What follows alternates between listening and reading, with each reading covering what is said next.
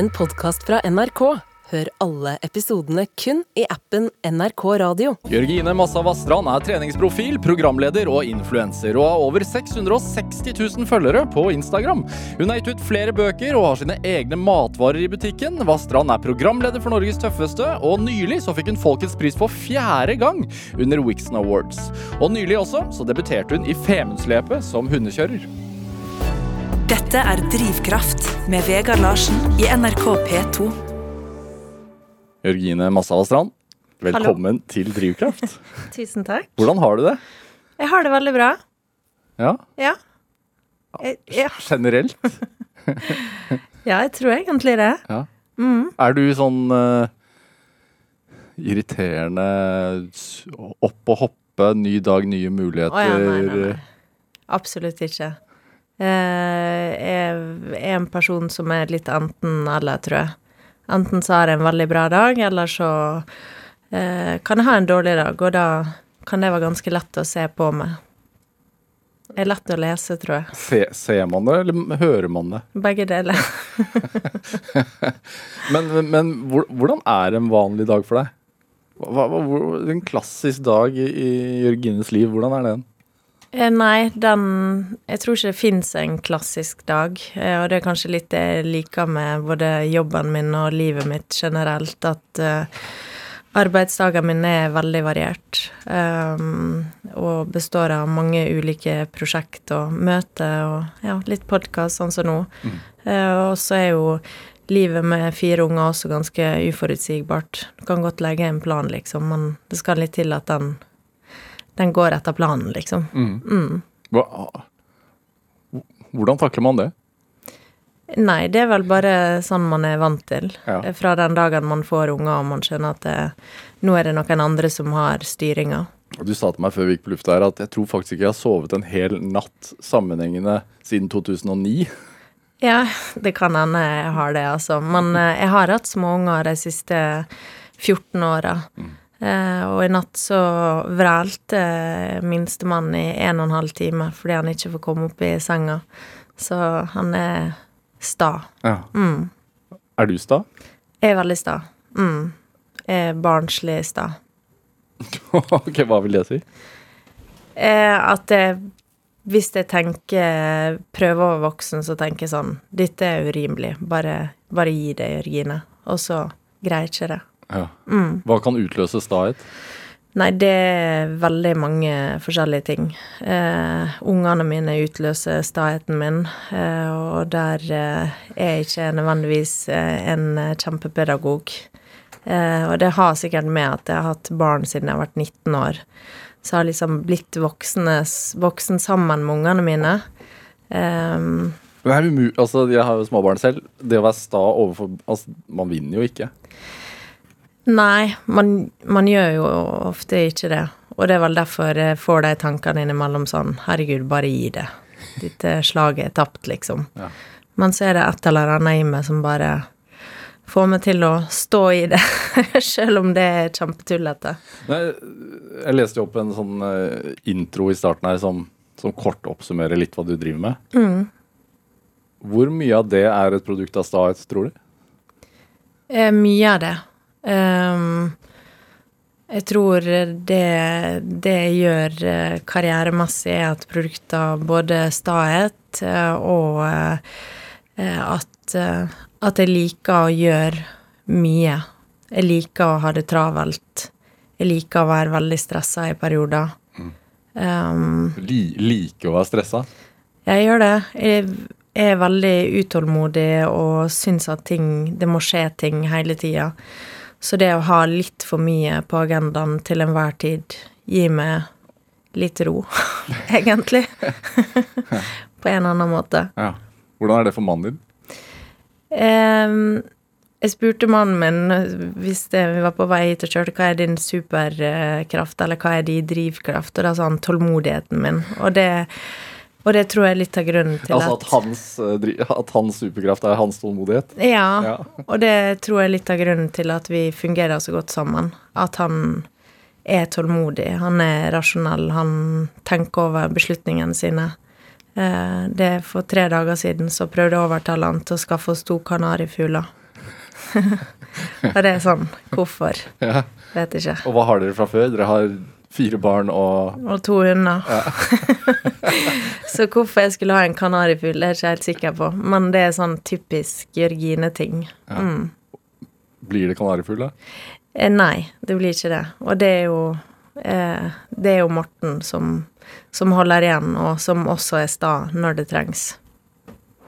Dette er Drivkraft med Vegard Larsen i NRK P2. Og i dag er eh, treningsprofil eh, og forretningskvinne, vil jeg si, Jørgine Massa Vassdrand her hos meg i Drivkraft på NRK P2. Du er jo det, forretningskvinne.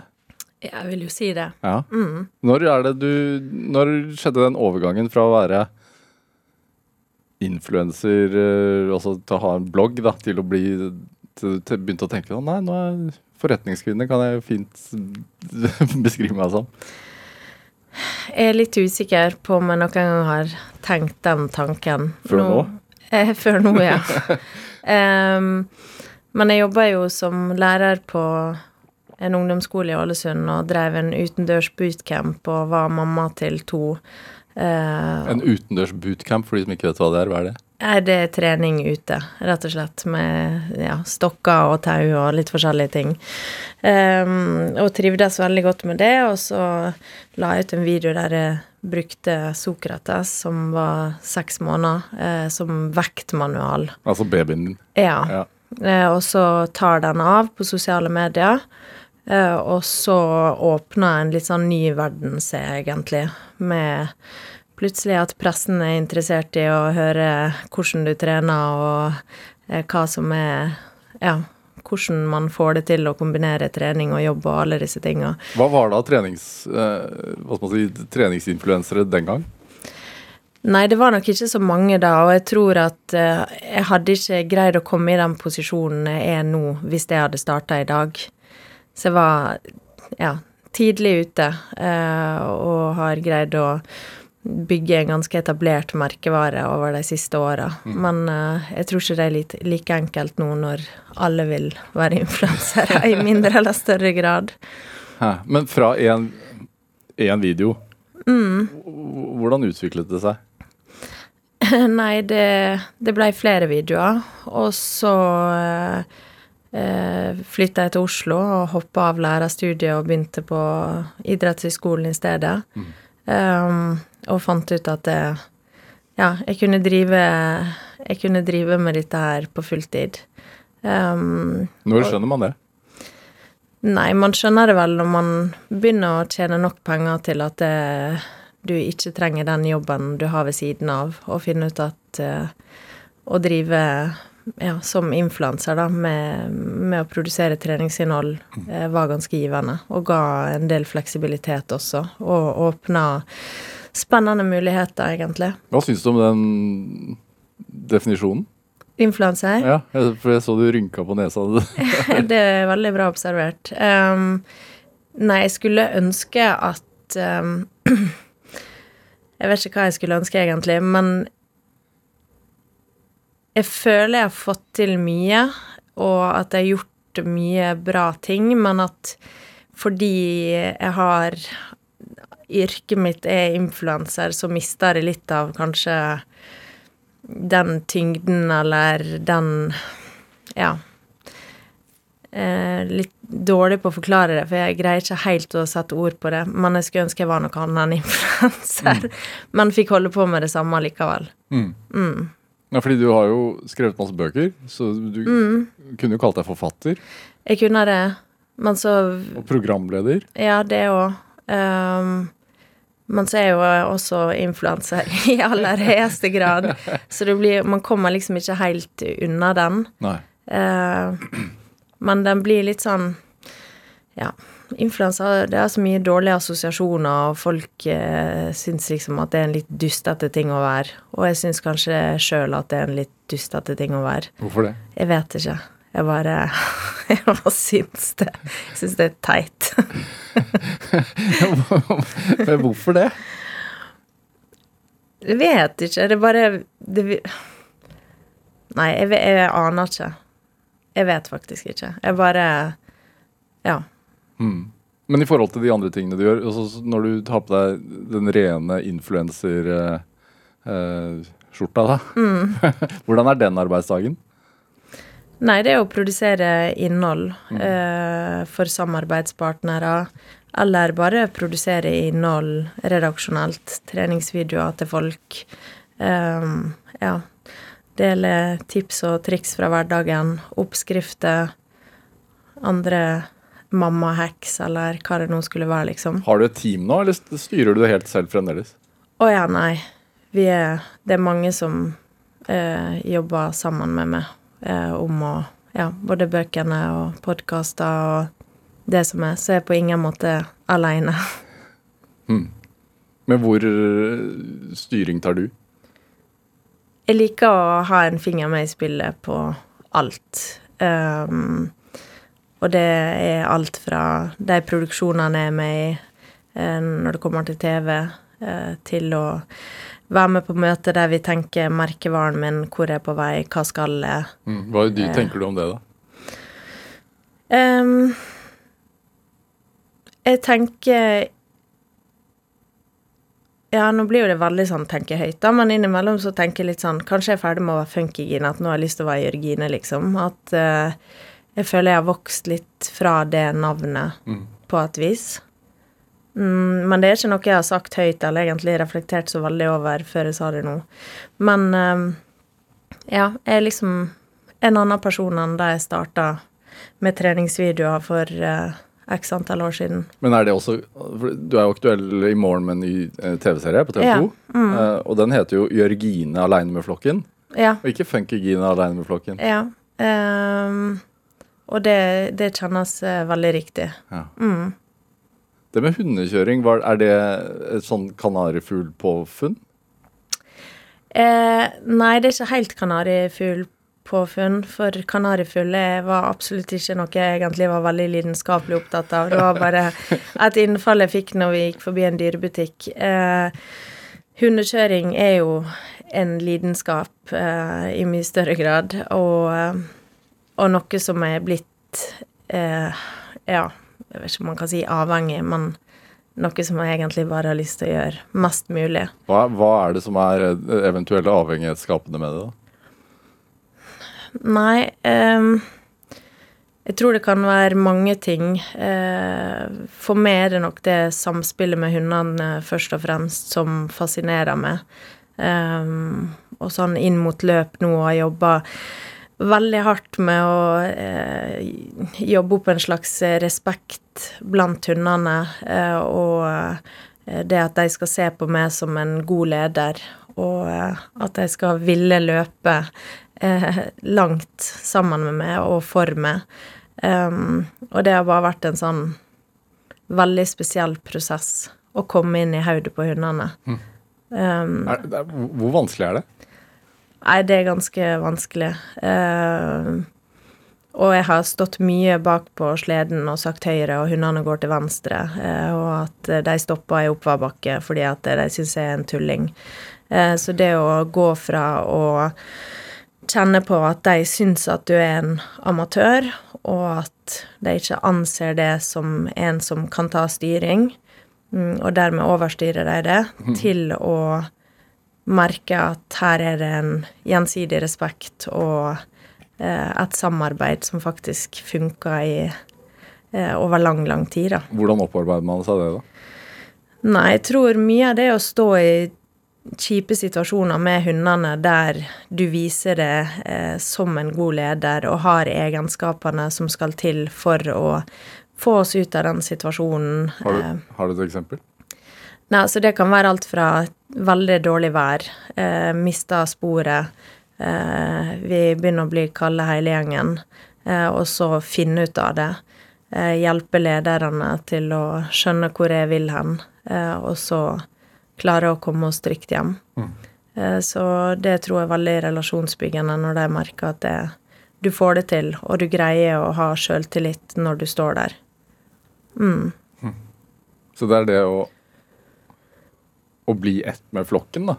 Ja, egentlig. Eh, og også det med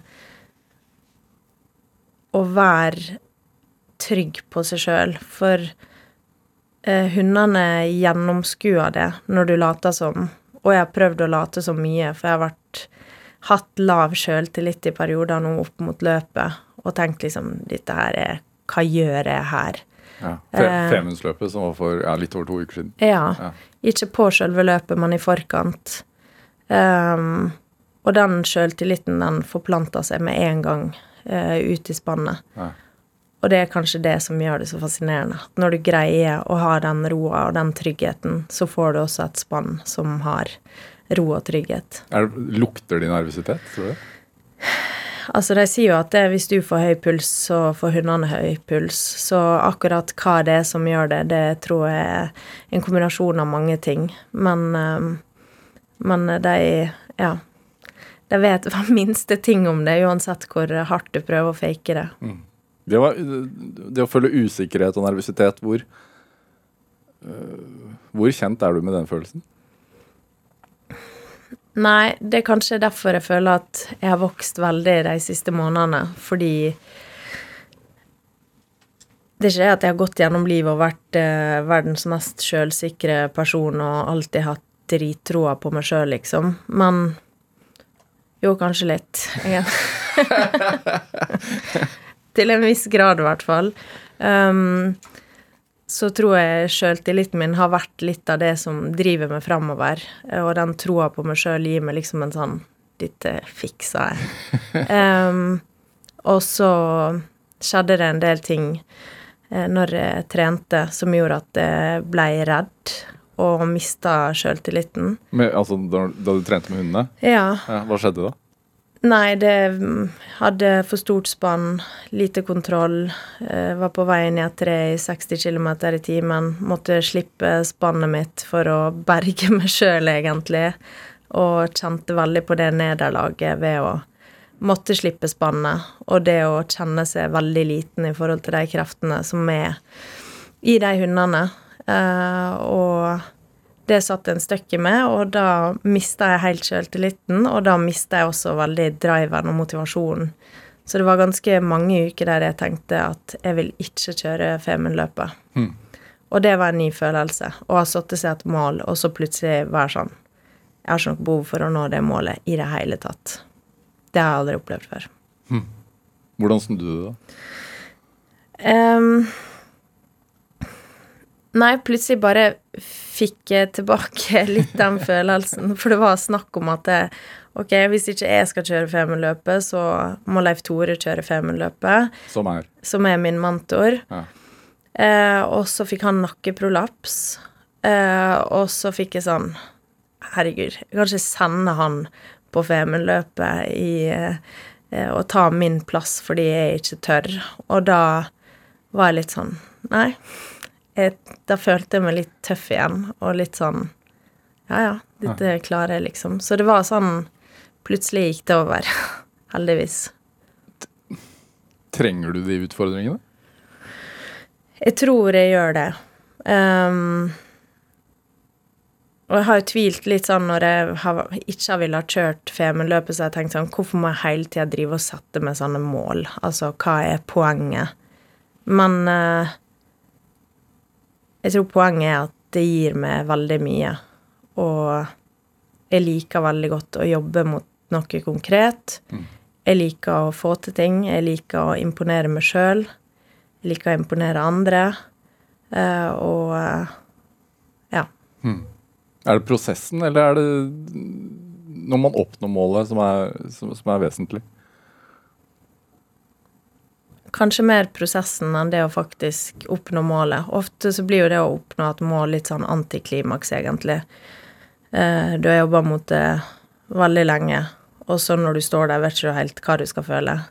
Og så trenger man kanskje å lande litt og se ting i et litt større perspektiv. Hva skulle til for å komme dit? Og det er kanskje da det betyr noe. Klapper du deg selv på skulderen noen ganger? Eh, ja, det gjør jeg. Men eh, jeg legger lista høyt. Eh, det gjør jeg. Ofte så får jeg høre sånn at jeg er altfor dårlig til å liksom anerkjenne ting jeg får til, eller den jobben jeg gjør. Men jeg tenker at det er en styrke. At eh, man ikke liksom klapper seg sjøl på skuldra hver gang man får til å ta seg ei økt, men at det, man kan se ting i et ja, litt større perspektiv og bare Ja, det er kontinuitet som er viktig, eller ha litt fokus på andre ting enn kanskje helt konkrete og små ting. Ja. Mm. Er, er du sånn i barneoppdragelsen også? Um, mm.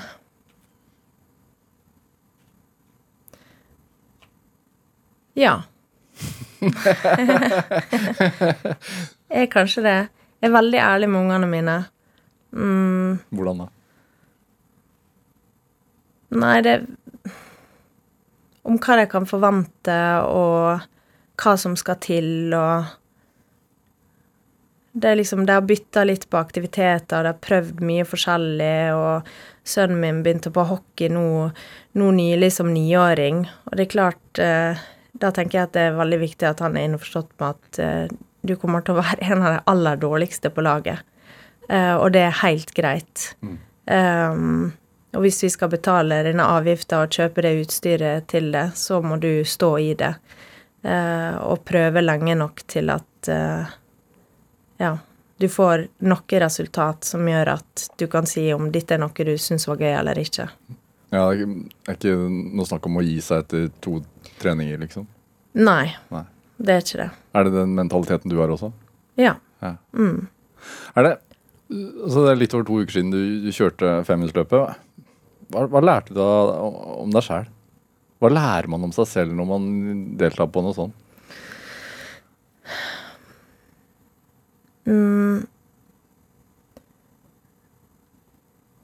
Det var en sånn gang når jeg kjørte femmeløpet at jeg var ferdig og klappa meg på skuldra. Da tenkte jeg sånn Ja, selv om du brøt? Ja. ja.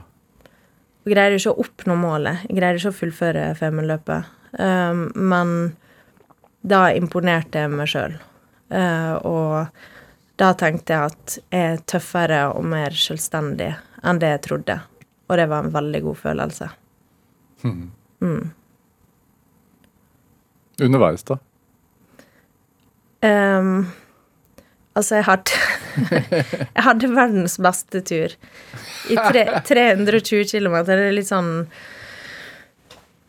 Jeg hadde så mye energi, og jeg følte på så mye mestringsfølelse, og jeg hadde så god flyt med hundene at jeg sov ikke på to døgn, men jeg var ikke trøtt i det hele tatt. Det var bare sånn Jeg sjokkerte meg sjøl litt at jeg fikk det til så bra, fordi jeg hadde så utrolig lave forventninger til meg sjøl i forkant.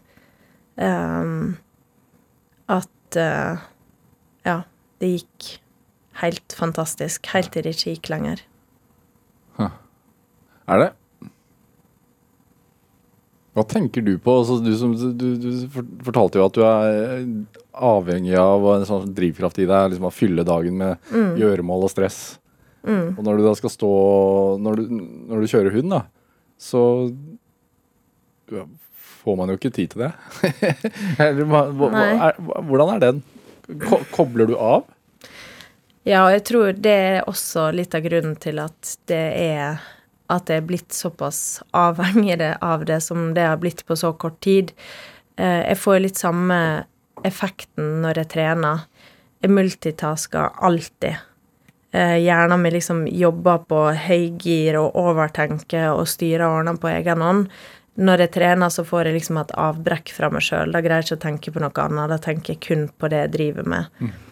Og det har vært grunnen til at trening har vært så utrolig viktig for meg, eh, egentlig hele livet. Eh, hundekjøring gir den samme følelsen. Det er bare at jeg får den over mye eh, Altså flere timer. Eh, når du står to døgn på en slede, så er det min, mer ro for hodet enn én time trening om dagen. Eh, så jeg greier å ikke tenke på noe når jeg står på sleden, og det er en veldig uvanlig følelse eh, for min del. Så eh, jeg vet ikke hva jeg gjør i alle de timene, men jeg bare Jeg, jeg tenker ikke. jeg bare er der. Ja. Hvordan er du etterpå, da? Jeg føler som jeg har fylt opp batterier, og det er rart å være aktiv i så mange timer, være fokusert i så mange timer, og allikevel føle at du har fylt opp batteriene dine. Klarer du det også? Koble, du, sånn som nå, da, så hadde du jo et kamerateam på slep. Og også under selve løpet, eller? Mm. Merker du de? Lite. Eh, og det tror jeg handler både om at jeg har blitt vant til å ha kamera eh, på slep i perioder. Ja, med funky fam, altså TV. Ja, Funkyfam og bloggerne og Norges tøffeste, selv om det er et litt annet format. Mm. Og så er det ingenting jeg tenker sånn Det er hemmelig om meg sjøl. Eller det vil jeg ikke at folk skal vite om meg. Det vil jeg ikke at folk skal se. Og derfor så slipper jeg å tenke over hele veien hva jeg gjør, hva jeg sier, hvordan jeg oppfører meg, hvordan jeg ser ut. Og da er det lett å glemme at det er et kamera. Hvordan tør du det, da? Nei. I dagens, I dagens polerte virkelighet? Nei, Jeg vet ikke. Jeg, jeg tenker ikke så mye over det. Og det er ikke Det høres litt sånn teit ut når jeg sier det, som om det er sånn Jeg er meg sjøl, og Her er jeg. Samme det, liksom. Um, og jeg kan jo synes at det er vondt å se meg sjøl i etterkant, sånn som jeg vet jeg har hatt en del sammenbrudd i løpet av denne innspillingsperioden som sikkert kommer til å være litt sånn åh, å se på i etterkant. Når du ikke føler det så sterkt som det du gjorde da, og så må du se det i etterkant, så tenker man å, fy faen, dette var dramatisk. Ehm, men så Ja, det var jo sånn det var, på et vis. Bryr du deg om hva andre liksom utafor flokken din tenker? Ja, det blir feil å si at jeg ikke bryr meg om hva folk tenker. Men ikke nok til at det preger meg i hverdagen. Uh, man er veldig opptatt av hva flokken min, hvis man kan kalle det det, Ja. syns om meg. Um, og jeg kan, jeg kan spørre Morten sånn Syns du at det er egoistisk? Eller uh, si til mamma hvordan syns du jeg oppførte meg nå, eller hva tenker du om det? Så jeg søker bekreftelse fra de som kjenner meg, um, for jeg vet at det er mye følelser i sving med meg, og ja, det går fort i svingene, liksom. Men jeg tror så lenge jeg får den bekreftelsen fra deg på at dette sto du godt i, dette håndterte du bra, eller dette håndterte du skikkelig dårlig, eh, så er ikke det så nøye om liksom ja, 50 år gamle kjerringer på Facebook skriver at det, jeg er et fælt menneske, liksom. Ja. Da stikker ikke det like dypt. Ja, for det skjer også. Ja, selvfølgelig. Ja. Hvorfor det, tror du? Nei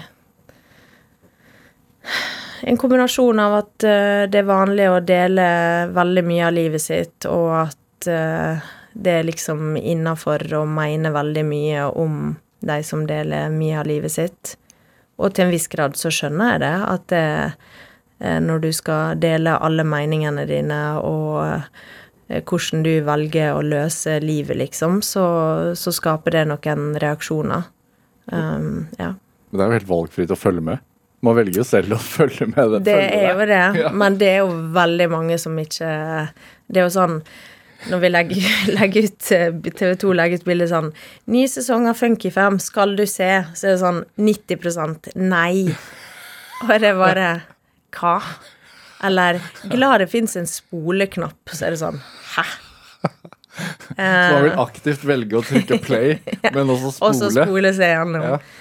Så det er jo sikkert det også at den kritikken, eller det hatet man får i Facebook-kommentarfeltet eller på Instagram, det er jo ofte så, så tullete og idiotisk at det er liksom Det skal litt til at det du kjenner det truffet av at folk skal spoles gjennom en episode av Funkyfam, liksom. Da tenker jeg vær så god.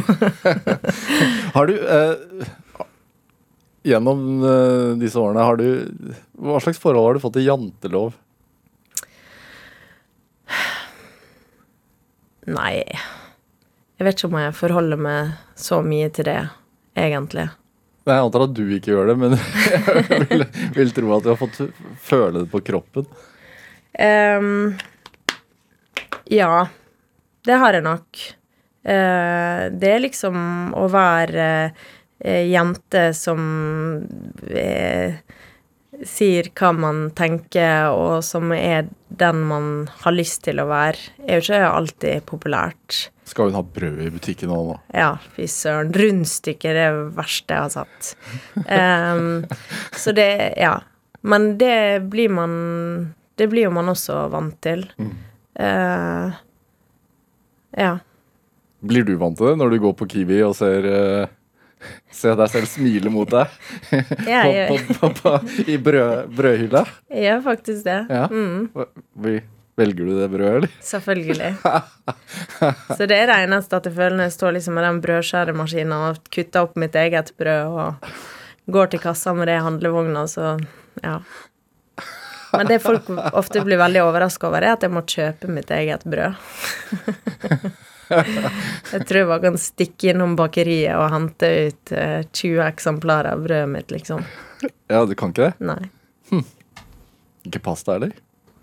Eh, nei, altså, jeg kan jo si, sikkert få ordna sånn at jeg kan hente noe, men jeg kjøper jo det i hverdagen.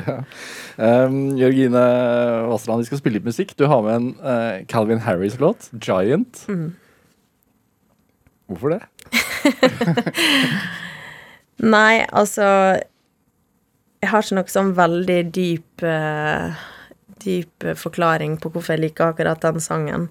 Uh, jeg er veldig dårlig å høre på tekst, så jeg vet egentlig ikke helt hva den handler om engang, annet enn at jeg kan refrenget. Uh, men jeg syns det er en kul låt som jeg hører på på trening, og som gir meg litt sånn ekstra futt når jeg trenger det. Ja, du hører det.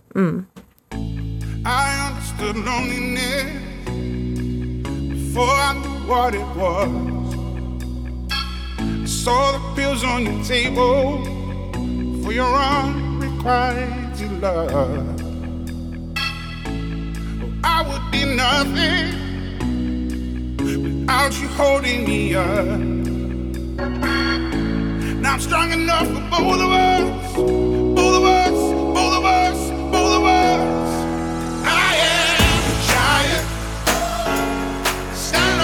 my shoulders. Tell me what you see. 'Cause I am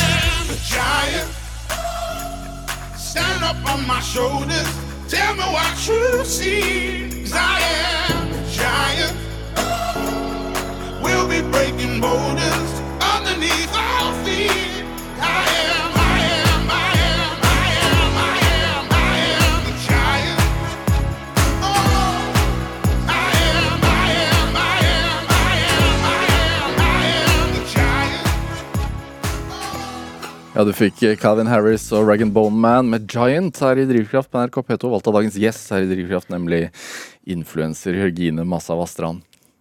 Yes. Vær, vær så god. Du- ja, du er jo det, da. Jeg gjør det. Um, altså, du har vokst opp uh, to steder. Eh, både i Ålesund og Italia. Ja. Hvor i Italia? San Remo heter det. Ja. På grensa til Nis, Frankrike. ja. Mm. Hva, eh, Hvordan vokser man opp to steder? Eh, nei, jeg flytta med mamma og to yngste søsknene mine til Italia. Fordi hun ville at vi skulle lære oss flytende italiensk. Eh, og um, mamma er også litt sånn impulsiv og tar litt ting på sparket. Så vi skulle egentlig flytte til et sted som heter Lago Maggiore. Eh, men så hadde vi blitt lurt eller et eller annet. Så vi hadde ikke hus der allikevel. Så da satte vi på med en megler eller noe sånt i San Remo, for der var det ei leilighet, og så endte vi opp med å skulle bo der et år i stedet. Ja. Hvor gammel var du da? Eh, jeg var ni. Ja. Så de første ni årene var eh, i Ålesund? Ja, Ålesund og Bærum. Ja. Og så åtte år i Italia, og så hjem igjen til Norge etter det. Hva hva det gjør det med identitet når man er ung? Ehm, jeg fikk jo ungdomsåra mine i Italia, og det ga veldig mening for meg. Ja, fa faren din er altså italiensk? Ja. Ja.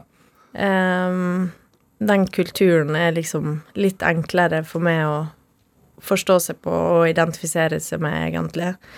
Eh, så det å komme En ting var å komme fra Norge til Italia eh, som niåring, men eh, den største overgangen var å reise fra Italia til Norge som eh, 17-åring. Ehm, da var det mye jeg måtte skjønne på nytt. Hm. Hvem var hun niåringen som flyttet? Nei, det har veldig dårlig hukommelse. Eh, det tror jeg var en ganske vanlig niåring, egentlig. Ja.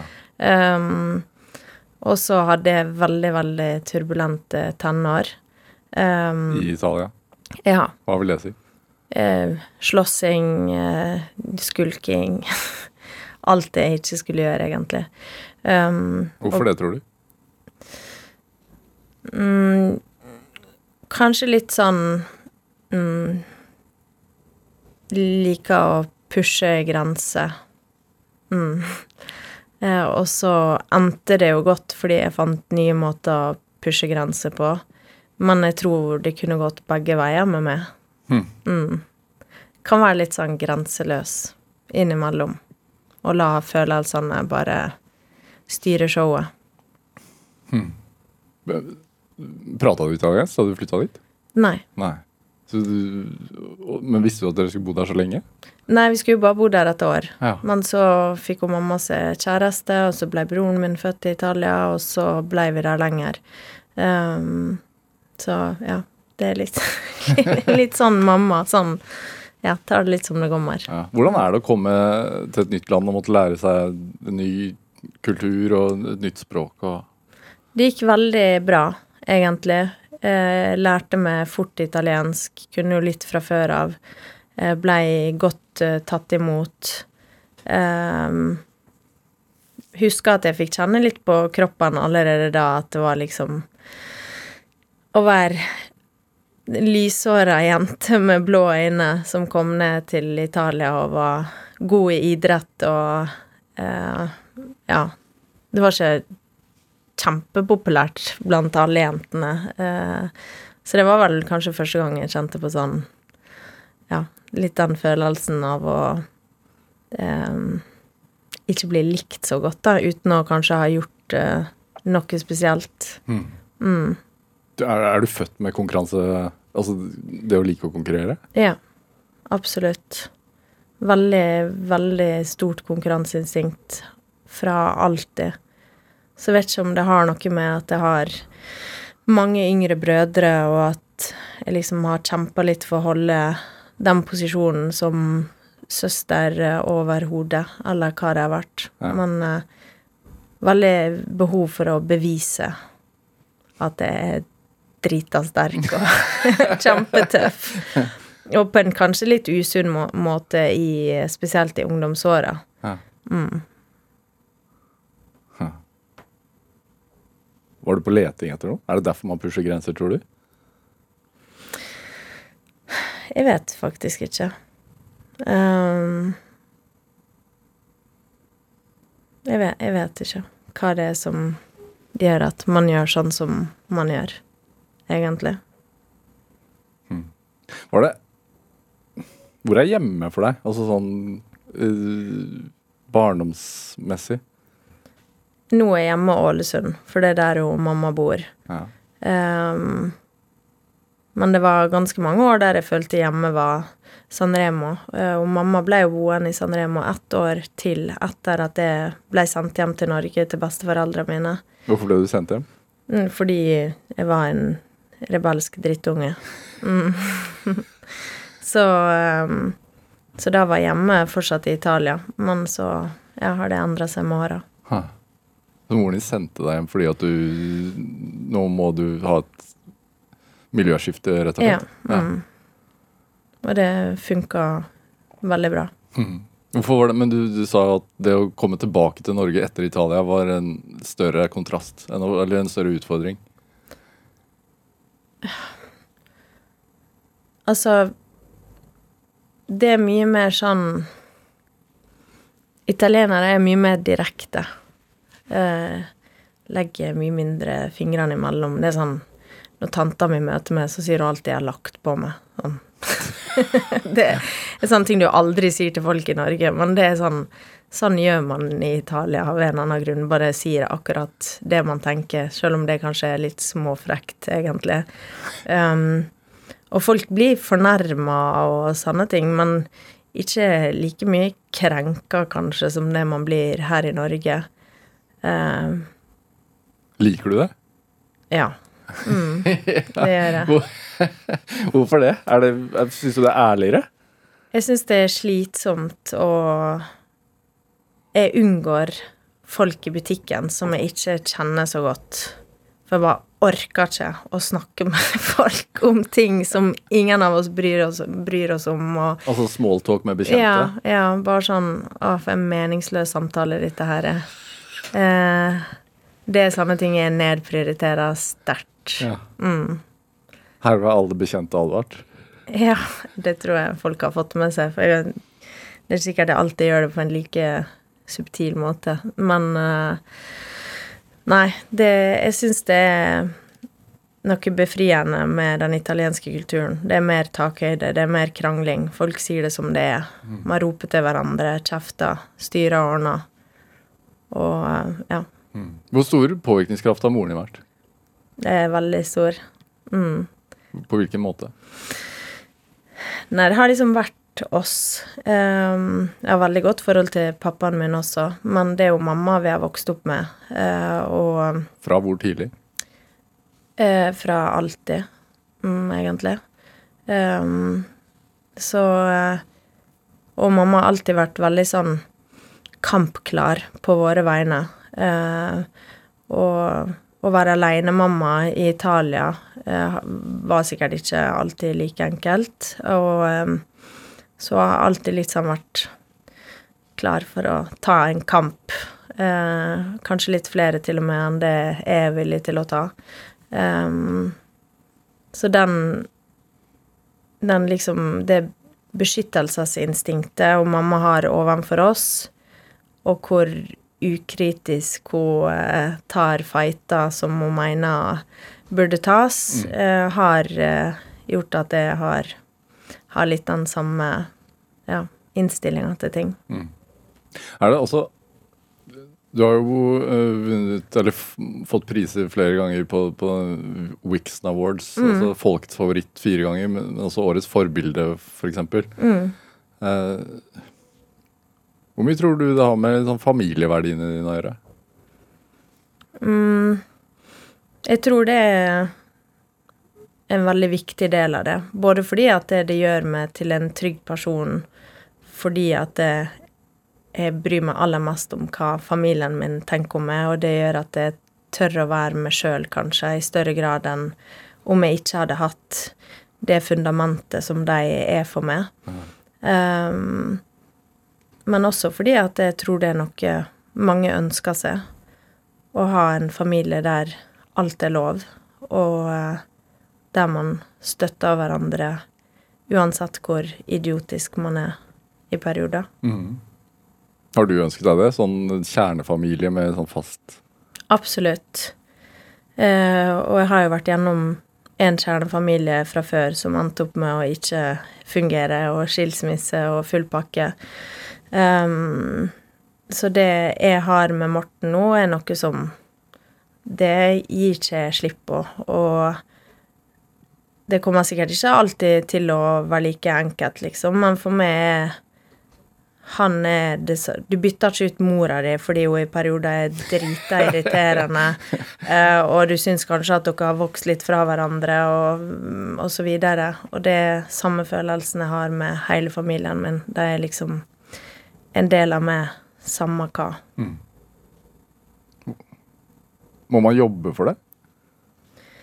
Altså, så langt har det føltes ganske enkelt, for å være helt ærlig, og det handler jo sikkert om at mannen min sin superkraft er tålmodighet.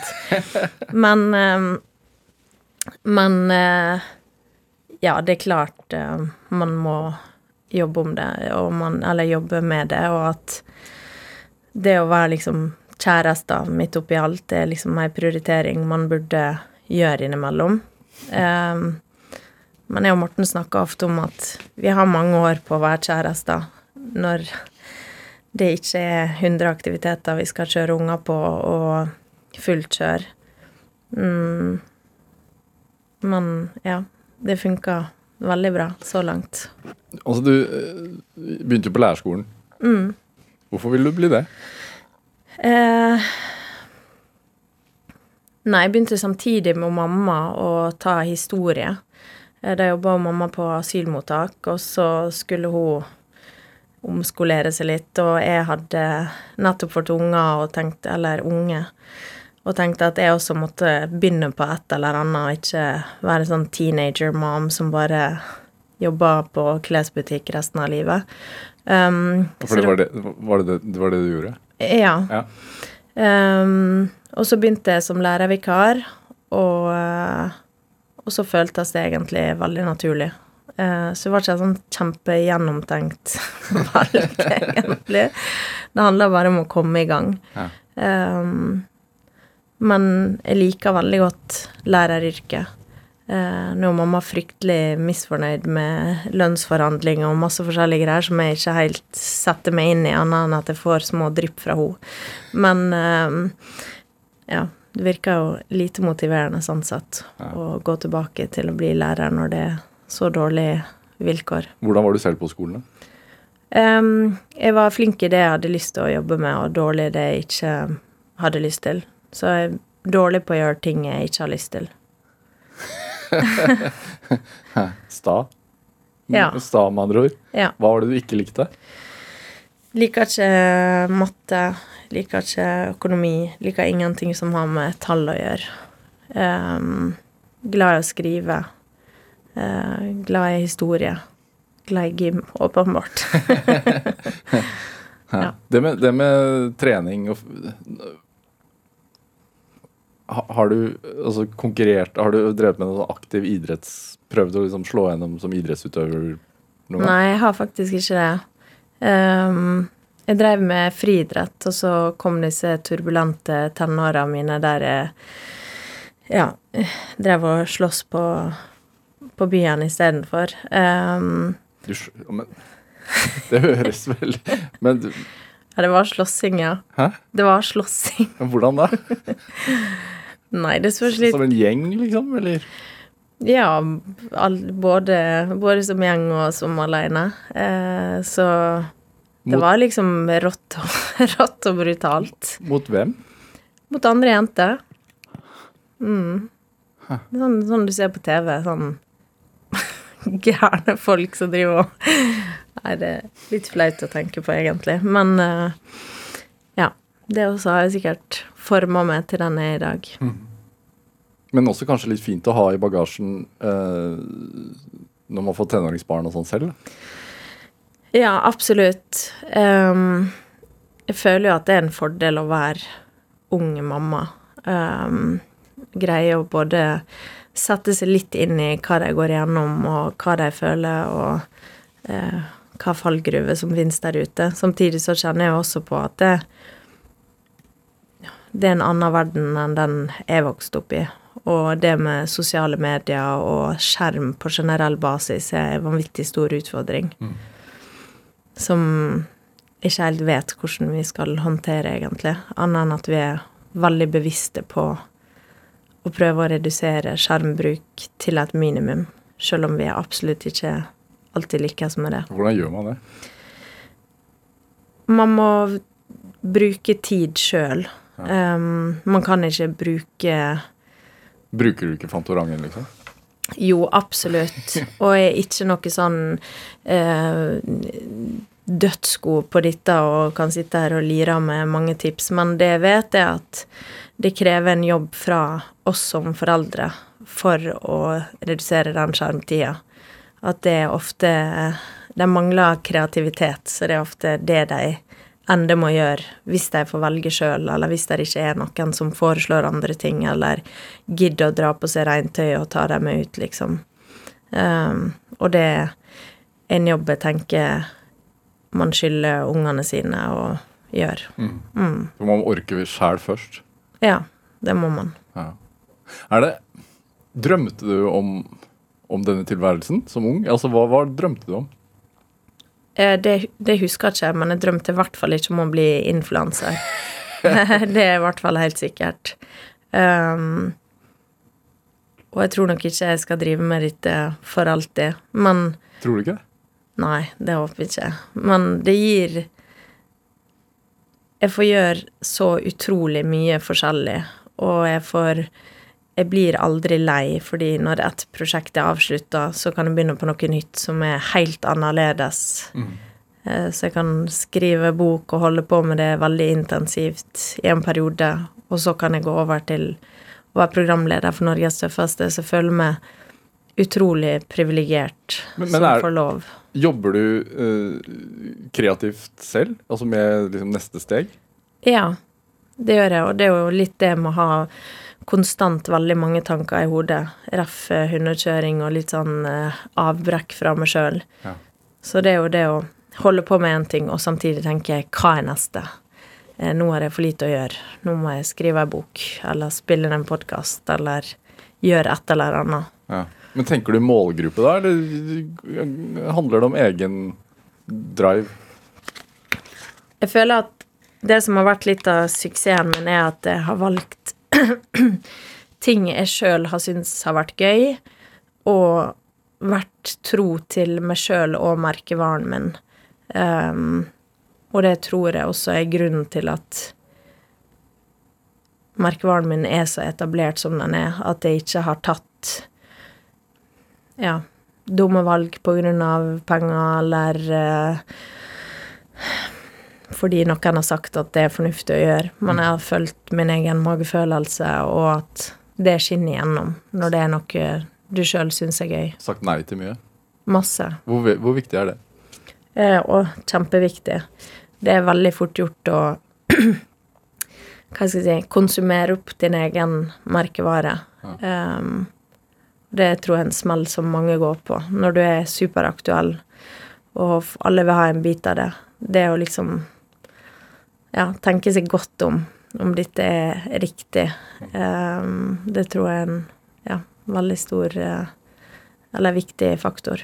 Det er jo, altså, du er jo din egen, altså, du er jo din egen merkevare. Eh, men du er jo også man si, hovedforsørger i familien, som da hviler på dine skuldre på mange måter. Og når da merkeværen er en selv, så det, jeg tenker jo det må jo være en belastning noen ganger også. Ja, det kan være litt stressende. Um, det kan det absolutt. Uh, ja. um, ja. Men er det derfor du sier at jeg har ikke tenkt å gjøre dette for alltid? Nei, jeg vet ikke hvorfor jeg sier at jeg ikke skal gjøre dette for alltid. Det er vel fordi jeg tenker på et eller annet tidspunkt så kan ikke jeg være influenser lenger.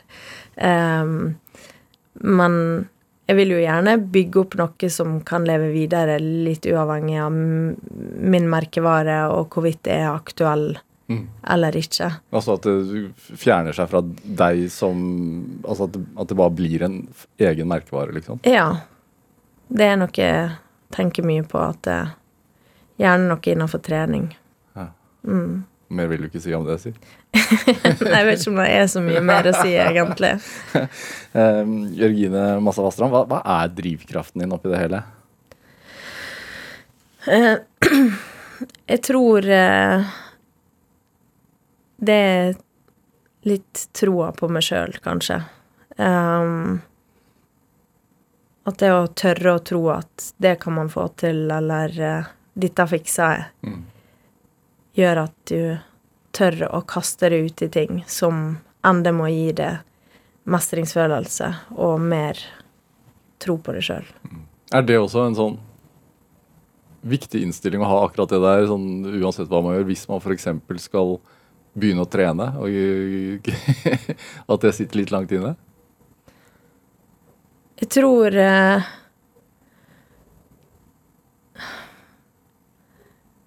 Jeg tror det som er viktig når du skal begynne å trene, er at du må ha fokus på deg sjøl, og så må du finne ut av hvordan du skal gjøre det. Og det er veldig fort gjort å rette blikket utover og se hva andre gjør. Hvorfor oppnår de de måla?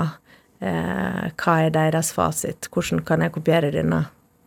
Um, ja. Sette seg egne mål. Absolutt. Jørgine Massa Vassdrand, tusen, tusen takk for at du kom til Drivkraft. Veldig hyggelig å være her. Lykke til med premiere i morgen.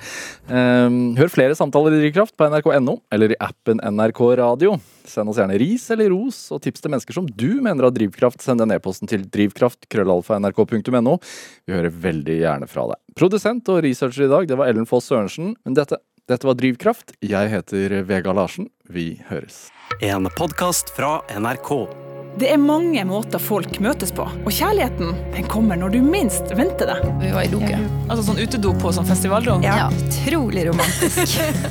Møt sterke personligheter og deres store kjærlighet. Det møtet var jo litt spess. Liksom. Hvordan møttes dere? Interessante, rørende og nydelige historier om det første møtet. Hvordan møttes dere? Hør alle episodene kun i appen NRK Radio.